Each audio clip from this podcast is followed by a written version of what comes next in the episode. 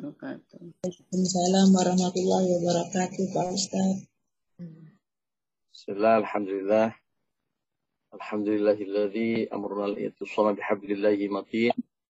Salatu wassalamu ala sayyidil mursalin Muhammadin wa ala alihi wa ashabil mujahidin at-tahirin amma ba'd. Subhanaka la ilma lana illa ma 'allamtana innaka antal alimul hakim. Li sadri wa yassir li amri wahlul 'uqdatam min lisani yafqahu qawli. Rabbi zidni ilma warzuqni fahma bi rahmatika ya arhamar rahimin. اللهم أنت ربي لا إله إلا أنت خلقتني وأنا عبدك وأنا على عهدك وعهدك ما استطعت أعوذ بك من شر ما صنعت أبوء لك بنعمتك علي وأبوء بذنبي فاغفر لي فإنه لا يغفر الذنوب إلا أنت لرضا الله ولشفاعة رسول الله ولكل نية صالحة ولكل جابح المسؤول. الفاتحة. أعوذ بالله من الشيطان الرجيم. بسم الله الرحمن الرحيم. الحمد لله رب العالمين. الرحمن الرحيم مالك يوم الدين. إياك نعبد وإياك نستعين. اهدنا الصراط المستقيم.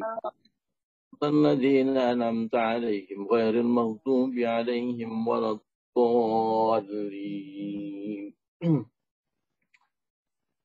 Bapak Ibu dan teman-teman yang dirahmati Allah, Alhamdulillah, binikmatillah, kudratillah. Pagi hari ini kita bisa berjumpa kembali bersama-sama bersilaturahmi dan insya Allah juga ta'lim bersama-sama di majelis ilmu. Mudah-mudahan ini bagian dari ikhtiar kita untuk tazkiyatun nafs atau membersihkan jiwa kita. Sekaligus juga untuk memudahkan jalan kita menuju surganya Allah. Allahumma amin ya rabbal alamin. Semua urusan dimudahkan. Wabil khusus urusan kebaikan. Sehingga jalan kita menuju impian kita yaitu surga menjadi lebih mudah dan lebih dekat. Allahumma amin ya rabbal alamin. Bapak Ibu, kita seperti biasa Jumat pagi ngaji tadabbur Al-Quran. Sudah sampai, kemarin kita sudah selesai bersama-sama ngaji surat An-Nazi'at. Dan pagi hari ini kita masuk ke surat An-Naba. Ya, surat An-Naba yang merupakan surat pertama di juz 30. Nah, silahkan buat Bapak Ibu, teman-teman yang ada di rumah, ya bisa buka mushaf, agar kita bisa ngaji bersama-sama lebih detail dan teliti. Ya.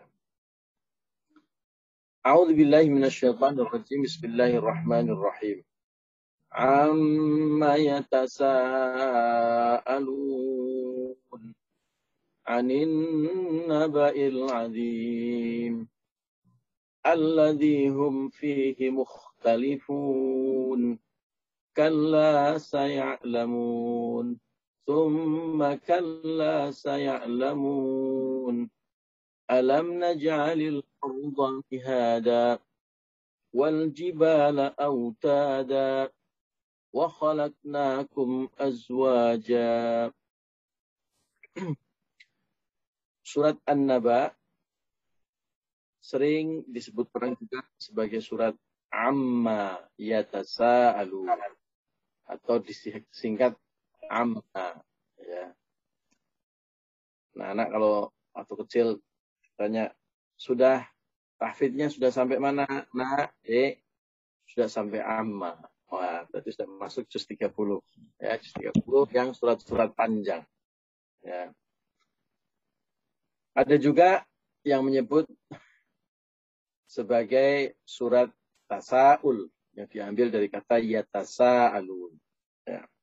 Jadi mostly sebagian besar surat ini disebut dari penggalan kata yang ada di ayat pertama dan kedua.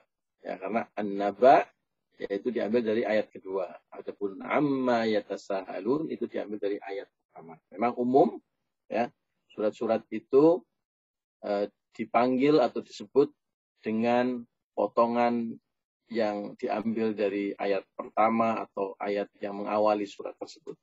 Ya. Kalau kita cek lebih jauh, bagaimana asbabul nuzul atau sebab-sebab diturunkannya ayat ini atau surat ini, itu juga tidak jauh dari kisah yang ada di dalam ayat 1 dan ayat 2. Di mana pada ayat 1 disebutkan amma yatasa'al. Ya. Amma itu berasal kata an dan ma. Jadi itu amma itu kalau an Ibu lihat yaitu dua huruf itu aslinya sebenarnya dua kata terdiri dari dua kata yaitu an dan ma ya. an itu artinya dari ya. Ma itu artinya sepatu ya. orang Arab terlalu susah an ma nah, itu menyebutkannya juga digabungkan ya jadi bahasa itu memang mengandung unsur litashil atau untuk mencari faktor yang mudah diucapkan, disampaikan.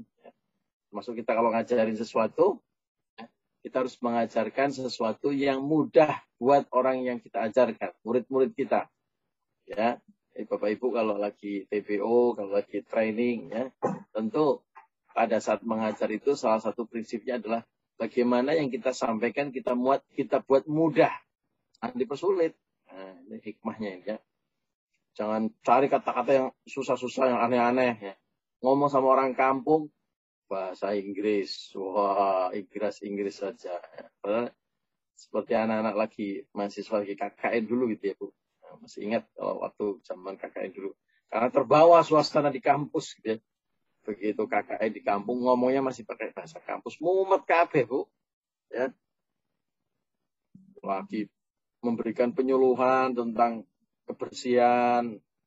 Ngomongnya kita harus cara sesuatu yang aktual. Orang kampung itu mana tahu aktual. Tanya lah kamu. Aktual itu apa? karena nggak tahu. Terjemahkan karena uh, mahasiswa pintar itu. Oh aktual itu artinya hangat pak praktekkan sama orang kampung. Begitu selesai rapat, monggo ngunjuk teh ingkang tasih aktual. Wah, dipraktikannya nggak cocok. Loh kok teh yang masih aktual ya? Karena tehnya masih panas. Katanya tadi aktual artinya panas atau hangat. Jadi kita mengajar sesuatu itu yang cocok dengan customer atau dengan murid kita. Ya, maka bahasa itu mengandung uh, apa prinsip litas hil. Bahasa itu harus uh, menggunakan prinsip-prinsip yang mudah. Mudah bagi yang membaca, mudah bagi yang mengucapkan, mudah bagi yang mempelajari. Ya. Justru jangan dipersulit ya. Pada saat kita bicara, oh ini uh, customer saya ini memang bapak ibu guru, mahasiswa oh, yang ngomongin masalah-masalah yang aktual lah, boleh aktual. Tapi kalau sama orang kampung, ya ngomonglah dengan bahasa orang kampung. Nah, jadi ada prinsip litashil untuk dimudahkan. Maka anma itu menjadi amma. Amma ya tasalu berasal dari an dan ma. An dari ma apa? dari apa? ya alun. Mereka bertanya-tanya. Maksudnya mereka bertanya-tanya tentang apa? mereka saling ya ya tasa alun itu kalau di dalam bahasa Arab dengan format seperti ini artinya saling ya ada apa atau mengapa atau apa yang mereka tanyakan mereka saling bertanya-tanya tentang apa mereka bertanya-tanya nah, jadi amma atau annaba nanti di ayat kedua dijelaskan itu berawal dari background atau latar belakang atau asbabun nuzul diturunkannya ayat ini atau surat ini di mana orang-orang uh, musyrik, orang-orang kafir Quraisy, ya, orang-orang ayat ini diturunkan dalam periode Makkiyah, ya, orang-orang Mekah pada saat itu saling bertanya-tanya. Ya. Apa yang mereka pertanyakan? Ini yang di, di mention disebutkan secara khusus di ayat pertama. Ya. Kemudian dijawab oleh Allah di ayat kedua anin naba'il azim. Ya. An dari naba'il azim. Naba itu sendiri adalah berita besar. masih ditambah dengan kalimat al-azim yang memang sangat besar. Ya. Maka ayat ini, surat ini disebut surat An-Naba dari ini, dari potongan kalimat di, di, di, di surat eh, di ayat kedua. Ya. Kalau amma dari ayat pertama. Jadi memang tidak jauh dari background atau latar belakang sebab nuzul di mana pada saat itu orang-orang kafir Quraisy, ya, orang-orang uh, dalam periode Makkah terpecah menjadi dua golongan. Ketika datang kabar besar, ya, anin naba'il azim, an naba berita besar al-azim yang agung, jadi berita yang super besar, super agung. Nah, berita besar itu akan menjadi ujian buat seseorang. Tampak dari apa yang terjadi belakang dari surat ini ketika kaum kafir, kaum musyrik pada saat itu, bangsa Arab pada saat itu terpecah menjadi dua menyikapi sebuah berita besar. Apa berita besar itu? Ulama berbeda pendapat. Ada yang mengatakan berita besar itu adalah kedatangan kanjeng Nabi, diutusnya kanjeng Nabi itu sendiri. Ada yang berpendapat an-naba adalah Al-Quran Al-Karim. Ya, berita besarnya adalah diturunkannya Al-Quran kepada kanjeng Nabi Muhammad. Ya. Kemudian yang paling populer, paling mayoritas pendapat ulama adalah An-Naba Al-Azim ini adalah Yaumul Qiyamah. Seperti yang sudah kita pelajari, kalau di dalam ilmu tafsir, ya, At-Tanwi' ya, perbedaan pendapat itu untuk At-Tanwi' untuk saling melengkapi. Mutanawiyah, mutanawiyah itu berbagai jenis macam yang tidak ber, ber apa istilahnya? Beda-beda ya tetapi saling melengkapi. Ya misalnya gado-gado atau pecel ya. Itu itu kan sayur mayurnya kan mutanawiyah. Ya mutanawiyah ya sayurnya mutanawiyah nah karena bermacam-macam ini gado-gado dan lebih nikmat. Ya. Maka demikian juga ketika kita belajar ilmu tafsir. Kalau ulama berbeda pendapat dalam ilmu tafsir mayoritas atau sebagian itu litanwi untuk saling melengkapi. Maka kalau ada ulama yang berpendapat An-Naba Al-Azim atau berita besar ini adalah Yaumul Qiyamah. An-Naba Al-Azim atau berita besar ini adalah kedatangan kanjeng Nabi atau diutusnya kanjeng Nabi Muhammad Shallallahu Alaihi Wasallam. Ya. Uh, An-Naba Al-Azim adalah Al-Quran Al-Karim. Ya. Tidak apa-apa, ini saling melengkapi. Ya, karena memang ini semuanya cocok, semuanya relevan. Ya.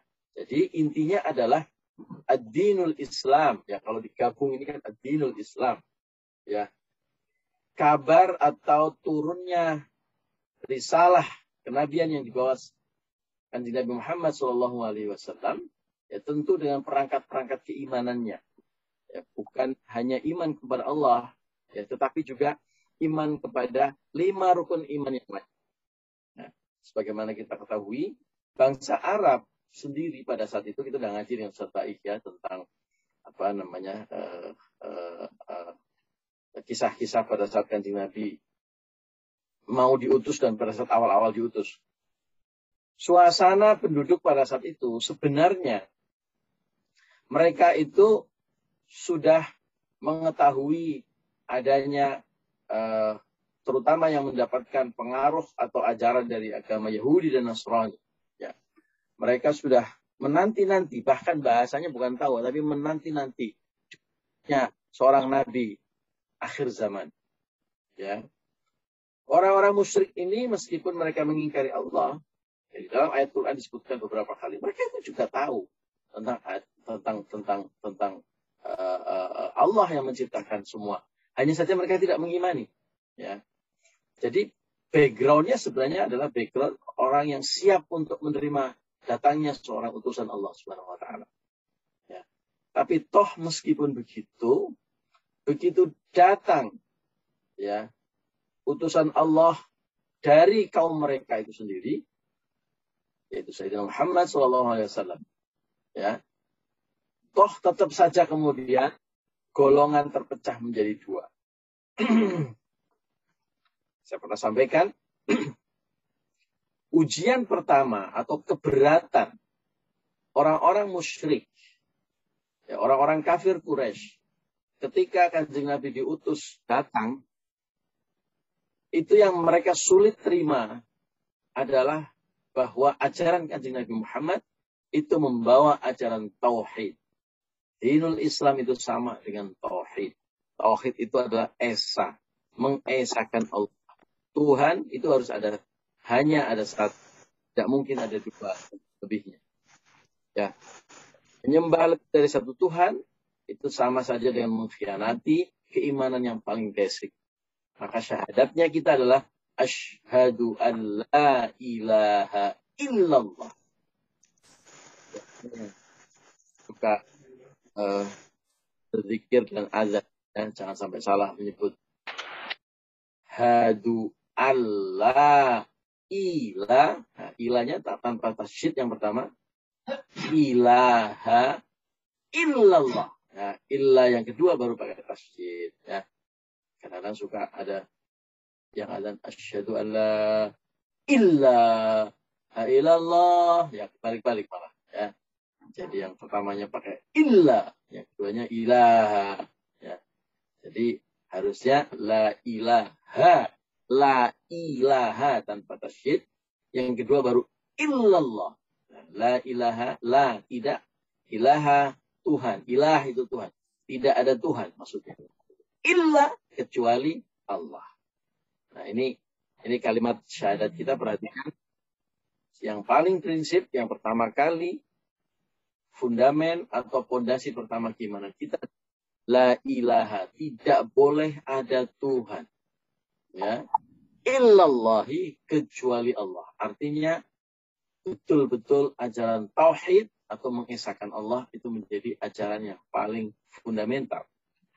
Nah Buat orang kafir Quraisy pada saat itu ini berat. Ya, menerima Tuhan hanya satu itu berat. Kenapa? Karena mereka terbiasa punya Tuhan banyak.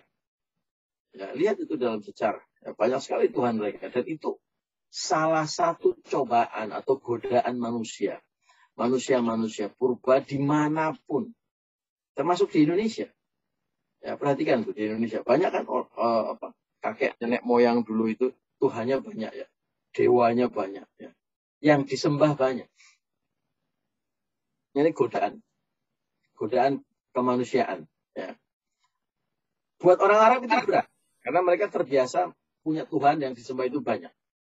Nah, sehingga ujian mereka adalah mengakui Tuhan hanya satu. Kalau mengakui yang lain, oke okay mereka. Tapi mengakui Tuhan hanya satu itu berat. Maka suatu saat mereka uh, menguji kanjeng Nabi juga ya dengan pertanyaan Muhammad. Ya. Kami ini selama ini Tuhannya banyak. Itu saja masih banyak masalah hidup ini yang belum selesai. Ya. Ada yang anaknya sakit, ada yang jualannya nggak laris, ada yang utangnya masih nggak bayar-bayar, ada yang uh, ada masalah rumah tangga, ada yang masalah macam-macam. Ini Tuhan kita banyak loh. Tapi kok masalah kita masih banyak saja. Bagaimana mungkin kamu mengenalkan Tuhan satu? Oh Tuhan kita banyak saja. Gak beres-beres masalah ini. Kan, kan logika mereka begitu. Tapi itu logika manusia musyrik. Logika manusia kafir. Dibalas sama kanjeng Nabi. Ini logika kenabian ini yang dipakai. Ya, mudah buat kanjeng Nabi. Tentu yang mengajarkan adalah Allah Subhanahu Wa Taala. Kata kanjeng Nabi begini, eh, gini, saya kasih tahu. Ya. Coba kamu ini ya, menjadi seorang budak, menjadi seorang pelayan, menjadi seorang asisten, menjadi seorang karyawan. Ya, pada saat itu perbudakan masih umum. Ya. Kamu punya tuan. Ya. Tuan kamu lebih dari satu. Kira-kira kamu pusing nggak? Stres nggak? Ya. Punya apa orang yang harus dilayani, ya. punya atasan lebih dari satu. Stres nggak kamu? Ya, jadi logikanya dibalik. Kalau yang pertama tadi, saya nggak selesai-selesai urusan bahwa Tuhan saya banyak. Kan dibalik. Kalau kamu jadi hamba, Tuhan kamu banyak. ya Tuhan kamu banyak. Kamu jadi majikan kamu banyak. Ya. Kira-kira pusing nggak? Ya. Yang satu nyuruh kamu ke pasar. Yang satu nyuruh jangan ke pasar, kamu harus masak dulu. Yang satu jangan masak, bersih-bersih dulu. Pusing kira-kira kamu mau ke mana? Mau ke pasar kah atau mau masak atau mau nyuci dulu atau mau ngepel dulu. Nah logika itu Itu logika yang sangat cerdas dan sangat dahsyat. Sekarang kalau kamu Tuhannya banyak, dan Tuhan itu urusannya sendiri-sendiri, KPI-nya sendiri-sendiri. Ya. Yang satu suruh ngejar omset sell out, yang satu suruh ngejar sell in, yang satu suruh ngejar apa namanya uh, apa uh, monthly active outlet uh, atau unique seller. Ya. Yang satu suruh men mendorong agar jadi manager, promote up. Yang satu suruh uh, apalagi kita melayani lebih dari satu Tuhan. Bayangkan. Ya, pusingnya seperti apa. Nah, pakai logika seperti ini. Nah, dan itu banyak kemudian orang-orang yang cerdas dan orang-orang yang betul-betul memang jujur ya kepada hati nuraninya itu itu terpatahkan secara otomatis keberatannya untuk menyembah satu Tuhan. Nah ini ini apa namanya uh, uh, kisah bagaimana manusia itu dulu terbelah ketika ada datang uh, risalah. Buat orang Yahudi dan Nasrani beda lagi. Tantangan mereka itu bukan masalah mengakui Tuhan satu, karena memang pada dasarnya mereka juga menganut agama tauhid, ya, yang dalam paket originalnya ya tentu saja, gitu ya. E, mereka mengakui Tuhan itu satu. Ya. Pertama mereka ketika kanji Nabi datang membawa risalah itu adalah apa? Mereka sudah tahu akan ada Nabi akhir zaman. Bahkan di dalam kitab mereka dijelaskan ciri-cirinya. Ya, uh, bahkan uh, di dalam Al-Quran kan juga disebutkan bahwa Nabi Isa menyebutkan sangat clear. Ya, apa namanya?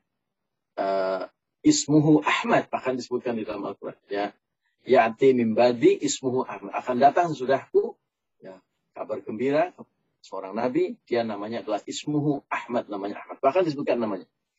Ya, tetapi apa yang membuat mereka kemudian sebagian dari mereka tetap kufur atau tidak mengakui kenabian ini?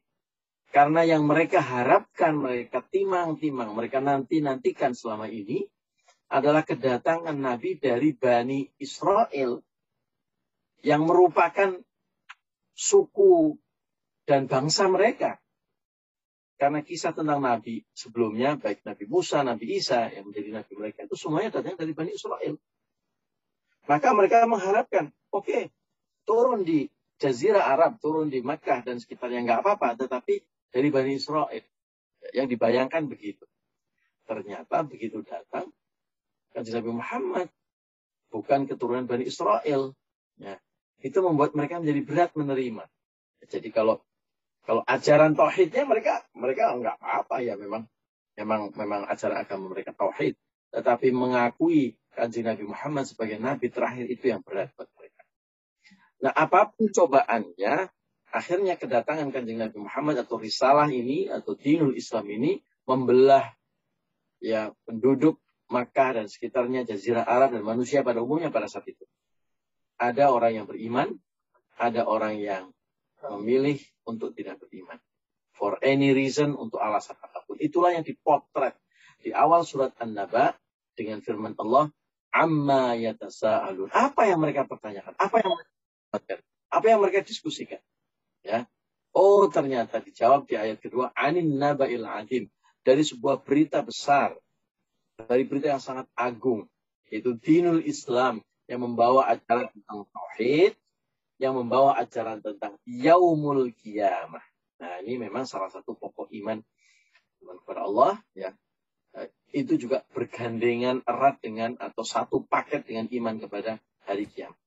Maka di dalam Al-Quran, di dalam hadis, banyak sekali ya ayat dan hadis yang menyebut yu'minuna billah wa yaumul kiamat.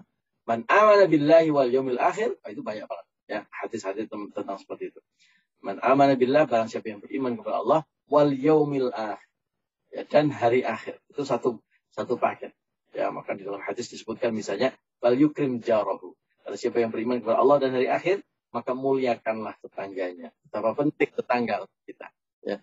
Fal yukrim. Maka muliakanlah tamu Anda. Kalau kita beriman kepada Allah dan hari akhir, maka uh, apa layanilah, servislah, muliakanlah tamu Anda. Ya. Jadi poinnya adalah betapa iman kepada Allah itu selalu digandengkan kepada iman kepada hari akhir karena memang ini bagian tidak terpisahkan dari keimanan kita. Orang yang beriman kepada Allah tidak mungkin sempurna imannya kalau dia tidak beriman kepada hari akhir. Iman kepada hari akhir yang menentukan bagaimana proses investasi kita di dunia. Untuk menyambut hari akhir. Kemarin kita kebetulan potongan ayat terakhir yang kita kaji di surat An-Naziat adalah tentang hari akhir. Ya. Hari akhir yang kemarin kita pelajari, yang ilmunya hanya milik Allah, ini sekaligus menjadi ujian atau cobaan keimanan kita. Ya. Terlalu mudah, terlalu umum orang itu untuk mempercayai sesuatu yang obvious, sesuatu yang jelas, sesuatu yang ceto welo-welo di depan mata secara indrawi manusia. Ya, percaya ini uh, mobilnya uh, Pak Cita bagus. Setelah melihat mobilnya, oh iya bagus, karena bisa dilihat. Percaya ini yang namanya soto apa ini, soto titik-titik ya, ya tidak dikira iklan. Itu adalah soto yang paling enak. Dirasakan sotonya, oh iya benar, ya paling enak ya. itu gampang mempercayai begitu umum ya anak kecil pun bisa ini tidak bisa menentukan tingkat keimanan seseorang kalau cuma melihat dan merasakan seperti ini baru percaya. Tapi ujian sebenarnya adalah ketika kita harus mempercayai hal-hal yang gaib Allah subhanahu wa ta'ala gaib ya gaib dalam pengertian indrawi manusia. Ya, tapi bukan dalam pengertian gaib itu tidak ada. Ya itu beliau selalu Allah selalu hadir. Tetapi secara fisik indrawi, kita manusia yang frekuensinya berbeda tidak bisa melihat. Tetapi ini justru menjadi ujian. Kiamat. Kiamat itu kan sangat dahsyat.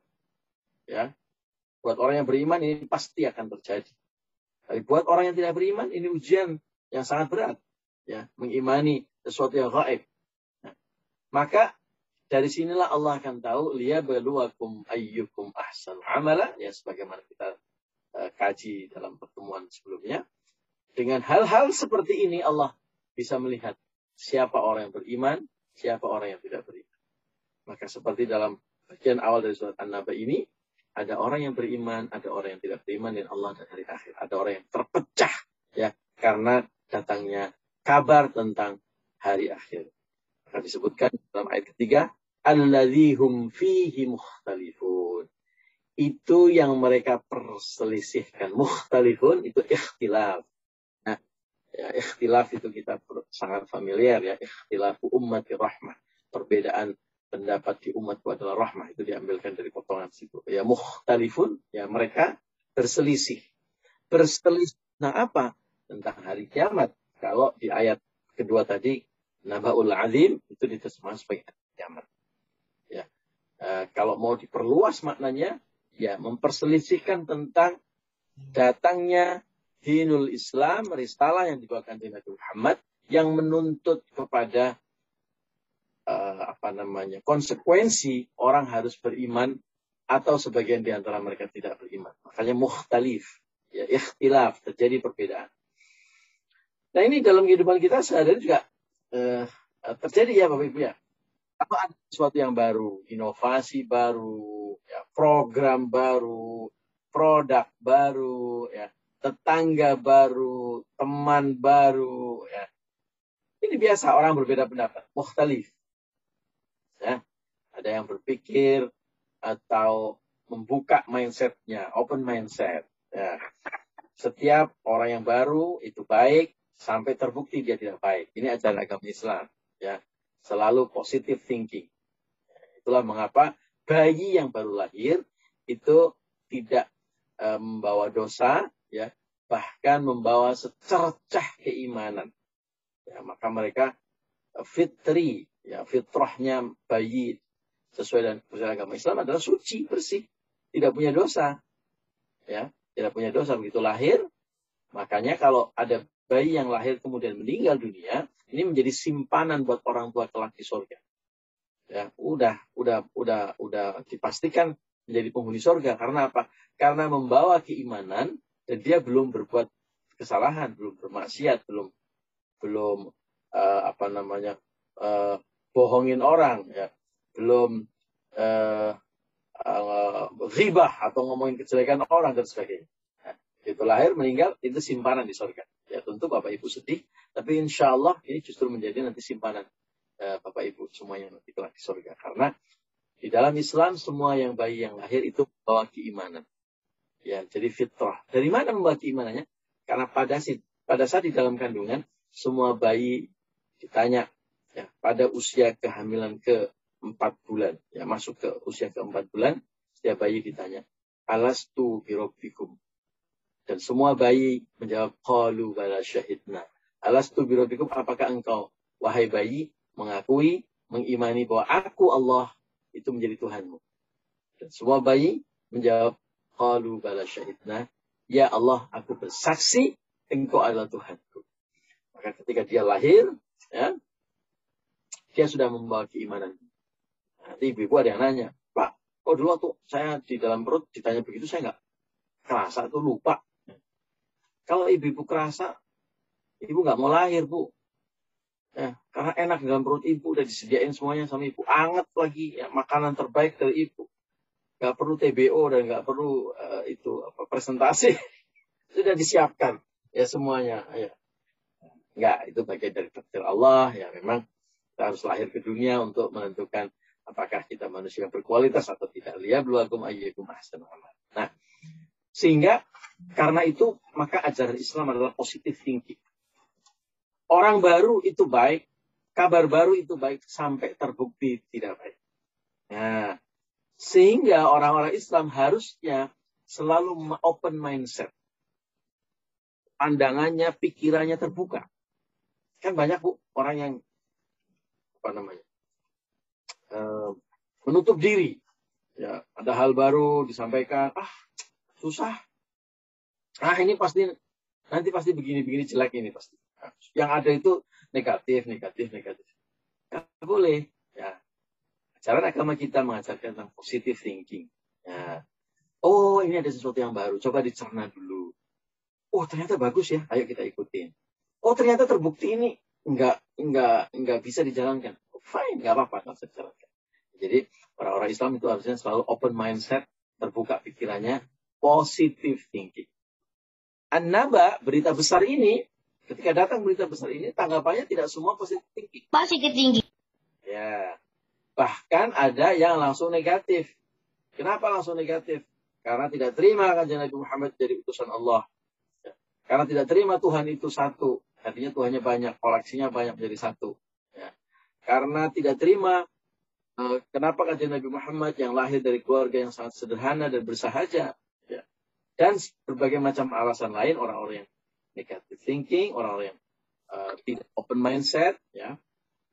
Mereka lah orang-orang yang disebut terbelah ini, ada yang beriman dan ada yang tidak beriman.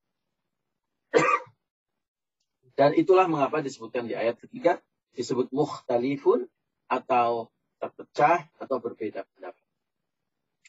Pada saat itu, tentu kita sudah mempelajari sejarah, Kanjeng Nabi Muhammad berserta orang-orang yang beriman di masa-masa awal itu menjadi orang yang asing. Ya. Orang asing karena jumlahnya sedikit. Orang asing karena kalah mayoritas dan kalah pamor.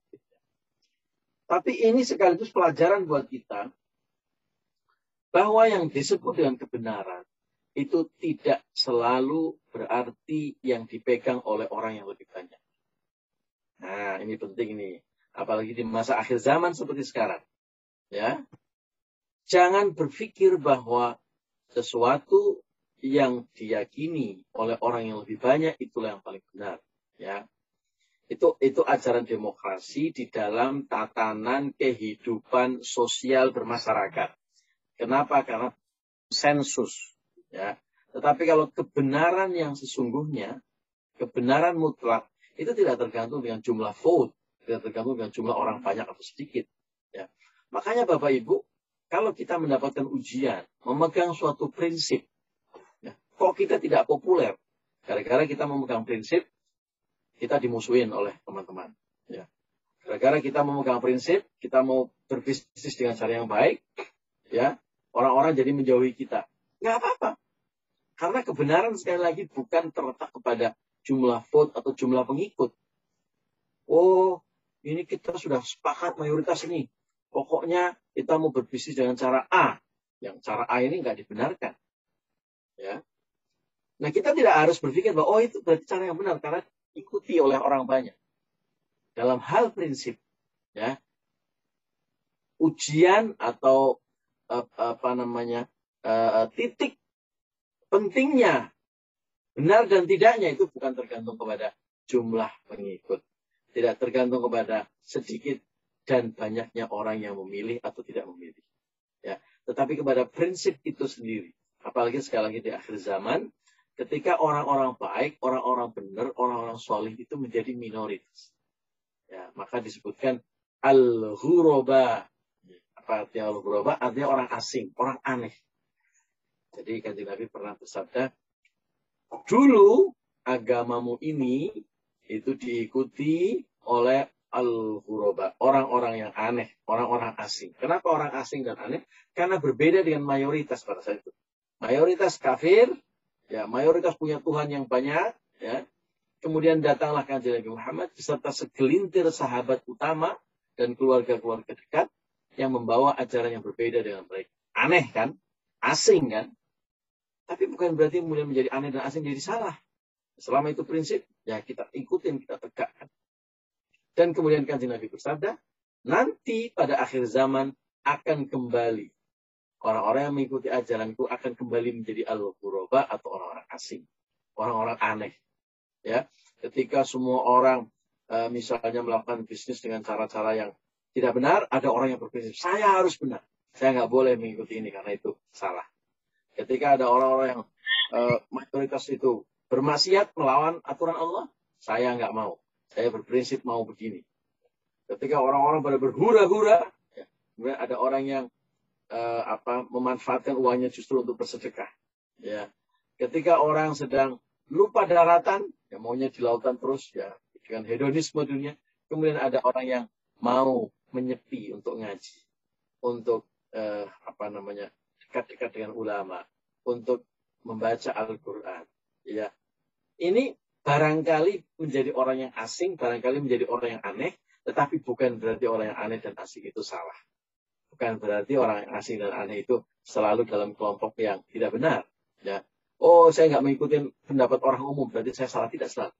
Ya, karena tadi sabda kaji Nabi al-ghuraba dulu agama diturunkan yang menerima adalah orang-orang yang asing al-ghuraba dan nanti kelak di hari akhir kembali agama akan menjadi milik orang-orang yang asing yang menerima orang yang uh, aneh ya al ghuraba dulu waktu saya di pesantren dan kemudian awal-awal uh, apa mukim ya tidak dari pesantren uh, tidak di pesantren lagi kita setiap malam minggu kumpul dengan alumni alumni ya, teman-teman kelompok kita disebut kelompok al ghuraba ya. kenapa karena kumpulnya malam minggu lalu kita ngaji dan sholawatan bersama-sama ketika anak-anak muda pada saat itu malam minggu jalan-jalan gitu ya ke mall uh, apa boncengan sana sini dengan lawan jenis gitu. Eh, kami memilih untuk eh, berkumpul setiap malam minggu ini dengan teman-teman dulu ada Sukun Aluman, ada Pak Malik gitu. Untuk ngaji dan untuk sholawatan sehingga kelompok kita itu kelompok al kelompok yang aneh, kelompok orang-orang asing. Anak muda kok malam minggu ngaji dan sholawatan itu kan aneh dan asing gitu ya. Nah, padune orang duit duit dan tidak punya pacar jadi sholawatan dan ngaji. enggak, enggak, memang bukan itu bukan itu masalahnya karena memang kita kepengen uh, apa kepengen ngaji nah jadi bapak ibu agama ini memberikan ujian untuk beriman atau tidak beriman dan untuk mengikuti yang benar yang hak ya yang dan menjauhi yang batil ya. itu bukan tergantung jumlah teman kita ya. kalau mayoritas batil bukan berarti kita harus mengikuti mereka karena mereka orang banyak ya kalau memang yang hak itu tidak populer yang benar itu tidak benar. Maka ujian keimanan berbicara di situ kita mau ikut yang mana? Bukan berarti yang sedikit itu menjadi kemudian tidak relevan tidak valid salah tidak. Prinsip adalah prinsip. Hak adalah al-haq ya. Dan agama ini memberikan ujian kepada kita sehingga kemudian ada fakta al-mukhtalifun orang berbeda pendapat. Ada ashabus shimal, ada ashabul yamin, ada kelompok kanan, ada kelompok kiri, pilihan ada di tangan kita. Mari Bapak Ibu, kita selalu perbaharui ya keyakinan dan keimanan kita, kita cas terus-menerus agar kita Stay aktif. Ah, ini programnya udah Faisal. Betul-betul iman kita selalu aktif, selalu menyala-nyala, memenangkan ujian per, uh, ujian keimanan untuk berbeda. Ada, ada yang hak dan ada yang batil, ada kelompok kanan, ada yang kelompok kiri. Mudah-mudahan kita semuanya selalu mengikuti yang hak dan masuk ke dalam kelompok kanan, meskipun harus berbeda dengan mayoritas orang-orang di sekitar kita. Demikian ngaji kita pagi hari ini. Terima kasih untuk kebersamaannya. Mari uh, kita lanjutkan dengan diskusi beberapa saat dengan teman-teman Bapak Ibu yang ada di jalur Zoom. Sementara saya berpamit dengan teman-teman yang ada di Facebook. Allahumma muwaffiq ila kami thoriq wal minkum. Assalamualaikum warahmatullahi wabarakatuh.